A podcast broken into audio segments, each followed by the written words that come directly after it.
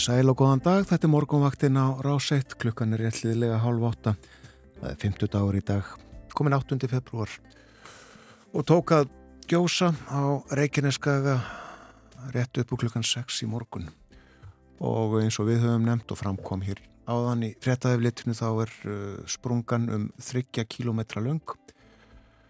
Eirún, þú fóst uh, yfir þá uh, vegalengt hér áðan, þetta er, já, kringlumýrabrautin frá um það bíl kringlunni og niður að sjó Já. í Reykjavík. og meiri sér þurftum við að fara örlítið lengra út í sjó.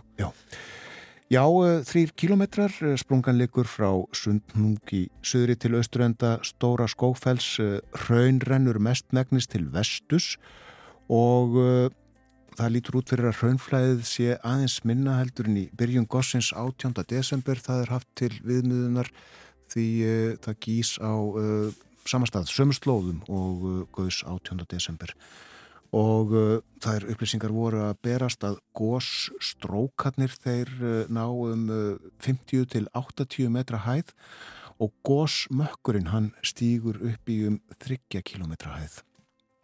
Þetta eru upplýsingar frá veðustofinni.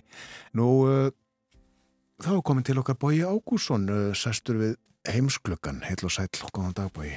Góðan dag. Við uh, verðum auðvitað með uh, annað augað á eldgósinu Jú. á Reykjaneska. Jú, jú. Þegar við lítum út um glugga, ekki kannski í heimsgluggan, hér í efsta litinu og þá blasir eldgósið við. Akkurat.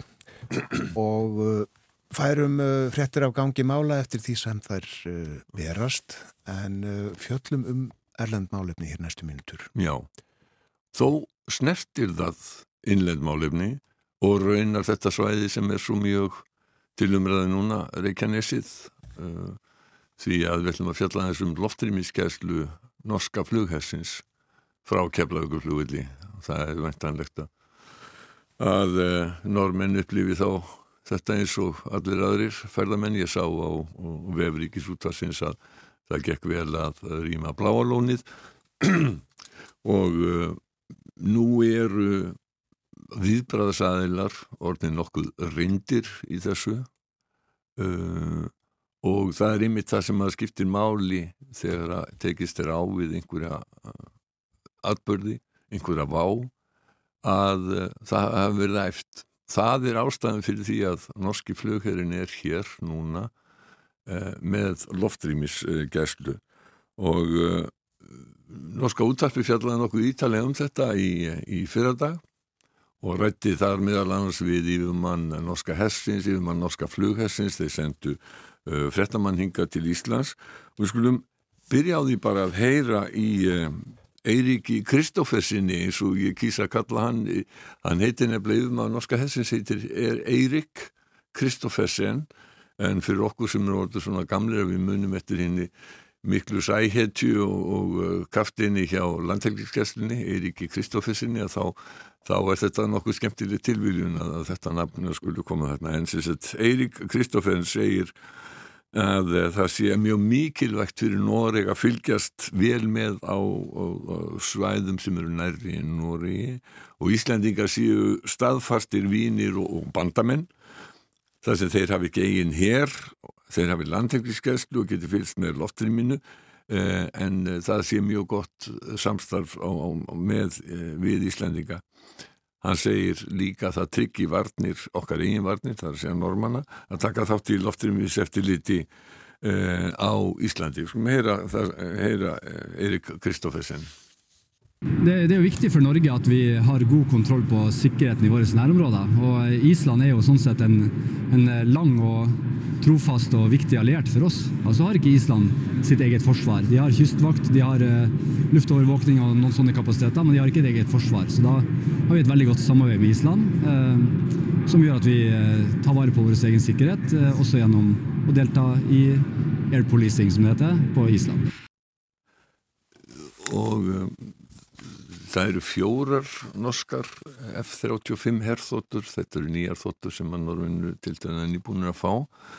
Tölum kannski aðeins meira um það síðar en, en uh, það, það skiptir normin talsverðu máli, segir Rolf Folland sem er um að norska fljóðhessins eh, að taka þessi loftrýmiskesluna á Íslandi. Þetta er í fjörðarskipti sem að normin gera það, segir hann um, því að þessi mál fyrir þá að, að fylgjast með yfir Norður allarsafi og þeir þessin að takja normin þátt eins og aðra þjóðir Nei, Det er klart at uh, Nord-Atlanteren er viktig i forhold til understøttelse av uh, støtte som kommer over havet vestfra, uh, i tilfelle krisekrig.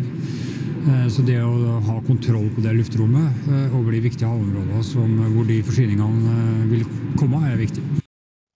Sko Forland sagði þarna ef að kemur til hættu ástans eða styrjaldar þá sé Norður Allandsæðin mikilvægt vegna þess að það er sko stuðningu sem að kemur að, að vestan yfir hafið og þess vegna sé nöðsynlega að hafa yfir á í lofti yfir hafsvæðinum þar sem að aðstofarinnar er að venda.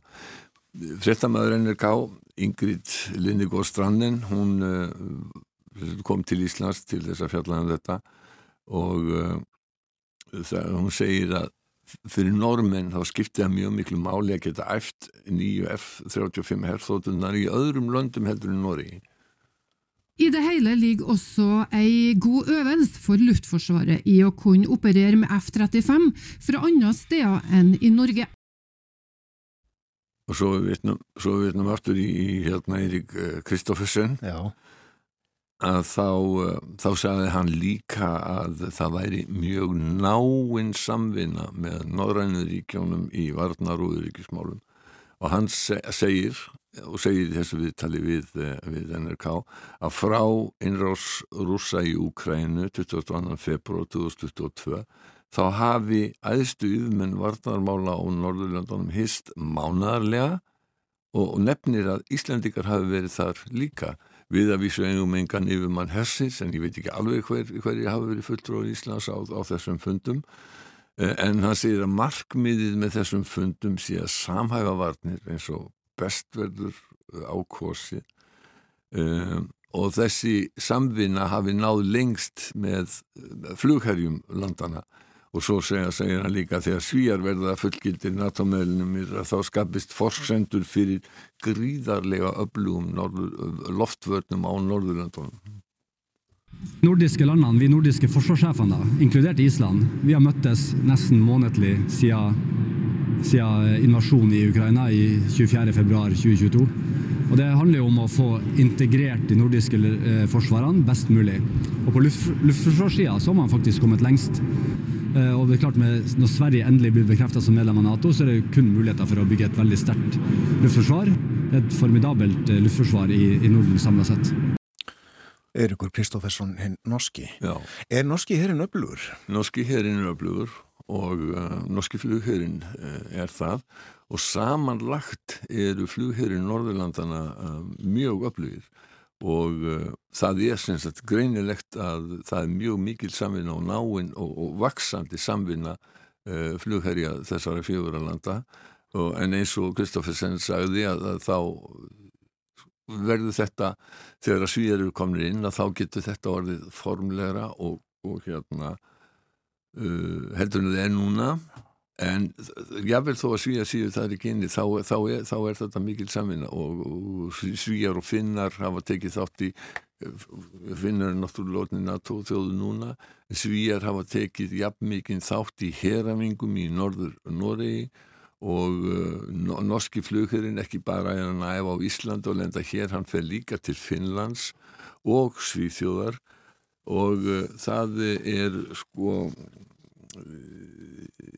Þessir eh, flugherrir munu eh, ráða samtals yfir 250 eh, nýtísku herþótum eh, og eru núna að endur nýja herrflugflota sinn. Þeir eru að fá F-35 bandariskar orustu þóttu sem eru það fullkomnasta af þessum herrtækjum sem til er Uh, normenn og danir voru áður með F-16 uh, herþóttur og þeir eru að skipta þeim út og, og, og sumar af þeim fara til Úkrænu uh, dansku herþótturnar allavega þeir hafa vísu sko Dag Henriksen sem er professor við háskóla um, Norska Hessins og raunar ofust í Norska flughernum hann, hann var búin að lagði fyrir svona nok nokkrum árum fram hugmyndur um þetta nána samstarf og það er í rauninni að raun gerast eins og fólk segir nú til dags þetta, þetta, þetta samstarf. Hann sem sagt lagði til það er að vísu ekki komin upp það sem hann lagði til einn samileg stjórnstöð en hver veit hvað, hvað gerist í framtíðinni mm. þetta er náttúrulega eins og Kristófinn sagði í þessu viðtali þetta samstarfið var svona miklu nánara eftir innrás og rússa í mm. Ukrænu og það er náttúrulega ljóst hvað er hvaðtinn af þessu samstarfi það er hræðslan við rússa og það að vera viðbúnir því að mæta hverri ógn sem möguleg er frá, frá, frá, frá Rúslandi ja, Hann nefndi hérna mánadarlega fundi Já. það er, og Já. það er meira en áður var Já, já, já, já. Þetta, þetta, þeir hafa heilt svona, já, um það byrja einu svona mánuði frá innrásinni mm.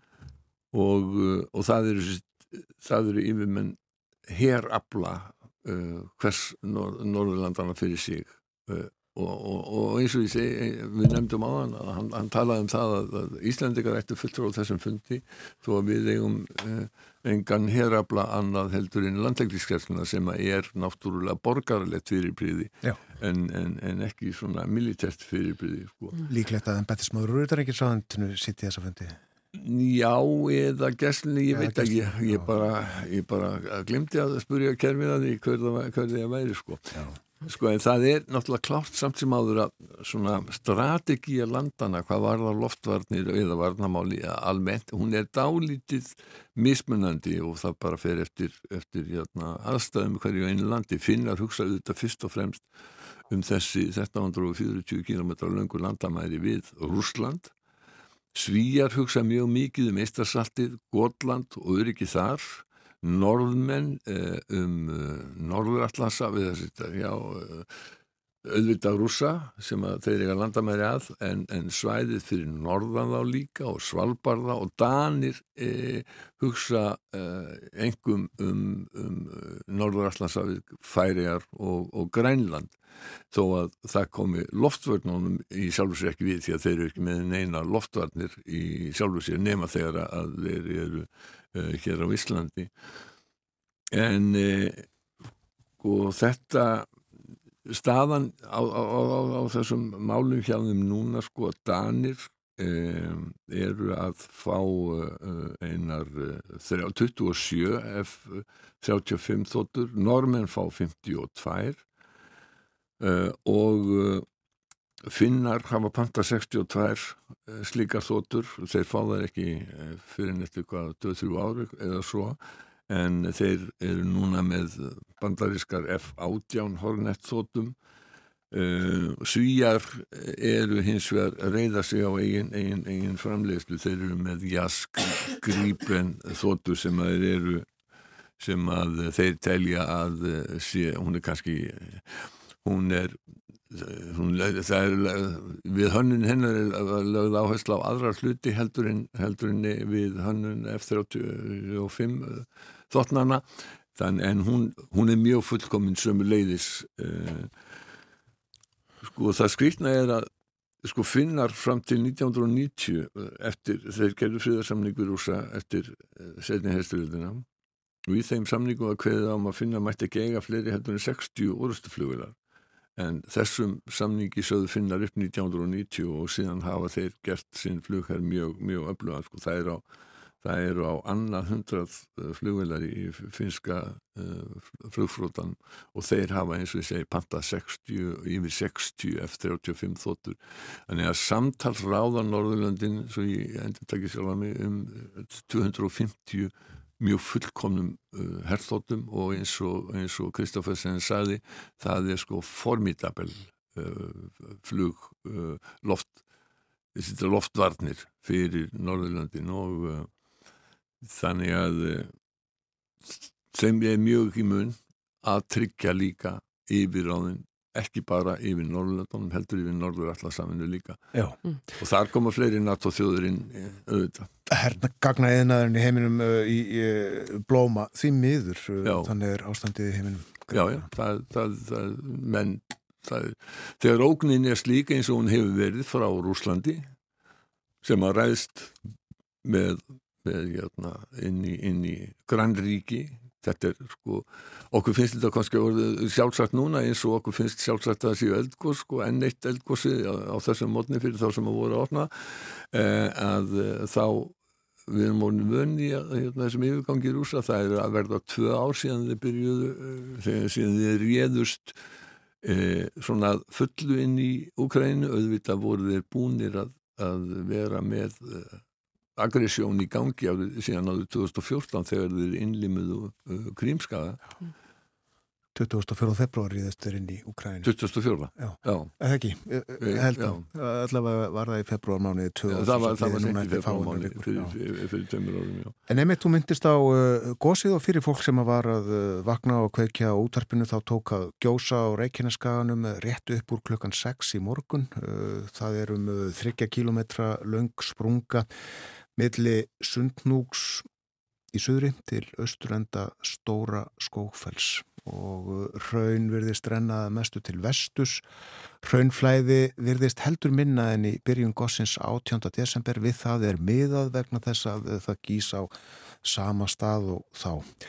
Og uh, svo heyrðum við áðan að gósstrókarnir ná upp í, ég held að 80 metra hæð, gósmökkurinn stígur upp í um 30 kilometra hæð og hann sést víða að rauðleitur uh, vitaskuld uh, en uh, bói við ætlum að tala líka aðeins um Norður Írland. Það eru vendingar í stjórnmálunum þar núna nýverið. Jú, það er við getum sagt að í þessum heimi það sem er alltaf lítið af jákvæðan fréttum og þá er það þó jákvætt að þar hefur tekist samkomulega um það að heimaminn takja aftur við stjórninni og það er komið ný stjórn á Norður Írlandi eftir rúmulega tveggja ára hlýje þegar, þegar allt fór í uh, uh, vaskinn út af því að mótmælendur eða það er að DUP eh, sem er helsti flokkur eh, mótmælda á Norðurlandi sætti sig ekki við það að ja, sætti sig ekki við eh, ákvæði í Brexit samningnum og hvernig þau voru framkvæmt tolla eftirlit inn til Norður Írlands og þess vegna bara fóru þeir í fílu og sögðu við tökum ekki þátt í þessu uh, meir. Núna hefur hins vegar og það verður að segja breskustjórnin til hrós að hún þó að sé nóg af öðrum vandamálum sem að Rissi Súnek og stjórn hans hafi að glíma við að þá hafa þeir svona hægt og rólega unnið að því að koma á samkómalega á Norðurílandi og það hefur uh, tekist núna þannig að það er aftur komin stjórn uh, heimamanna þar og, og það var náttúrulega ljóst uh, eftir, eftir kostningar fyrir tveimur árum, tæp- tæpum tveimur árum að, að uh, ef að stjórn kemist aftur á þar þá er það í fyrsta skipti sem að katholikar eða þjóðurnisinnar eða líðveldisinnar eru í fórustu þar. Þannig að fyrstir ráþur að Norður Írlands núna er, eh, er, er Michelle O'Neill sem að eh, er, er leitói þeirra þar. Það eru tvær konur sem að veita sín fein. Helsta flokki líðveldi sinna fórustu á Írlandi Michelle O'Neill á, á Norður-Írlandi og svo Mary Lou MacDonald sem er uh, formaður flokksins á öllu Írlandi. Og uh, það vil svo til að uh, staðgengil fyrsta ráð þeirra hvað var að segja annar ráð þeirra sem er fóringi mótmælanda það er líka kona á tiltölu ung kona á, á 50 aldri eins og Missy Lónil uh, hún heitir Emma Little Pengelly þessar konur sem eru í fórust á Norður-Írlandi núna eiga það samil þær koma úr mjög rótækum fjölskyldum. Pappi Emmu Little Pengelly var satt í fangelsi fyrir hendaverk og uh, hann var einn af helstu leiðtóum svo uh, hersveita mótmælanda, ólöglegra á meðan að, fjölskylda uh, Missile O'Neill var mjög innblönduð inn í, inn í IRA sem að barðist skerulega baróttu og hendaverka baróttu gegn breskum yfiráðum árum saman Já. en um, þannig að þessar konur koma úr mjög rótækum hópum en það var mjög ánægilegt að heyra ávörp þeirra þegar að nýja stjórnin tók við og þingið í Stormont tóf aftur störf að þær voru töluð mjög, á mjög jákvæðum nótum. Eina feilnótan kannski sem að var slegin þar var Melluk MacDonald leitói sinn feina á Ílandi því að hún sagði að nú sæði hún fyrir sér að sæði hún fyrir sér samin að Írland innan tíu, innan, já, innan áratugs.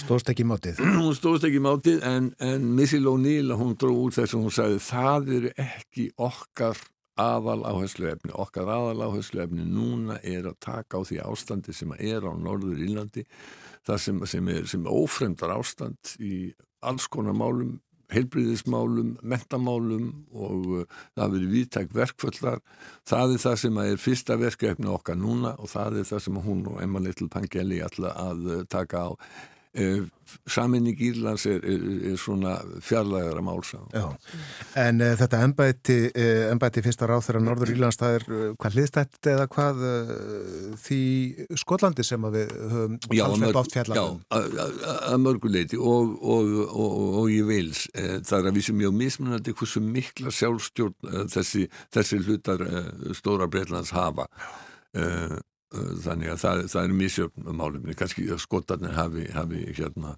einna mest Já, já, já völdin er Völdi, mestar já. já, já. Eða nota síðustu mínútu okkar Já. til þess að minna á það að finnar fá nýjan fósetta á sunnudag Já, sko, við höfum náttúrulega haft sem tema kostningar sem eru svo opbóðslega víða núna og finnar eh, er að fá nýja fórseta innan tíðar og þar er staðan í eh, skoðanakonunum svo að Alexander Stubb hann hefur uh, nokkra fórustu uh, það er mismunandi hvað, hvað hérna, mikið uh, menn segja að uh, hann hafi fórustu en hún virðist vera umtalsvert. Pekka Havistó uh, sem er hans anstæðingur hann, hann er svona aðeins með, með minni uh, með minni stuðning. Helsingir Sanomat hún segir í nýðukönnun að uh, stupp sé með 50 stuðning 54% og Havistó Havistó, Havistó 46 uh, en uh, í uh, uh, annari skoðanakonun sem gerð var fyrir stöð 2 í Finnlandi að þá var munurinn 57 á móti 43 þannig að virðist vera sem að stupp hafi umtalsveit meiri stuðninga en þetta kemur allt, allt, allt saman í ljós. Um, við höfum ekki tíma til þess að minnast á kostningar í El Salvador, Azerbaijan uh, frestum kostninga í Senegal en allt þetta er þess virði að við eigðum tíma til en náttúrulega núna verðum við munið til eldgósi á Reykjaneskaga. Já, og uh, fáum ítalega samantækt uh, frá fréttastofunni hér eftir fjóra minútur í fréttonum. Takk fyrir í dag, bói.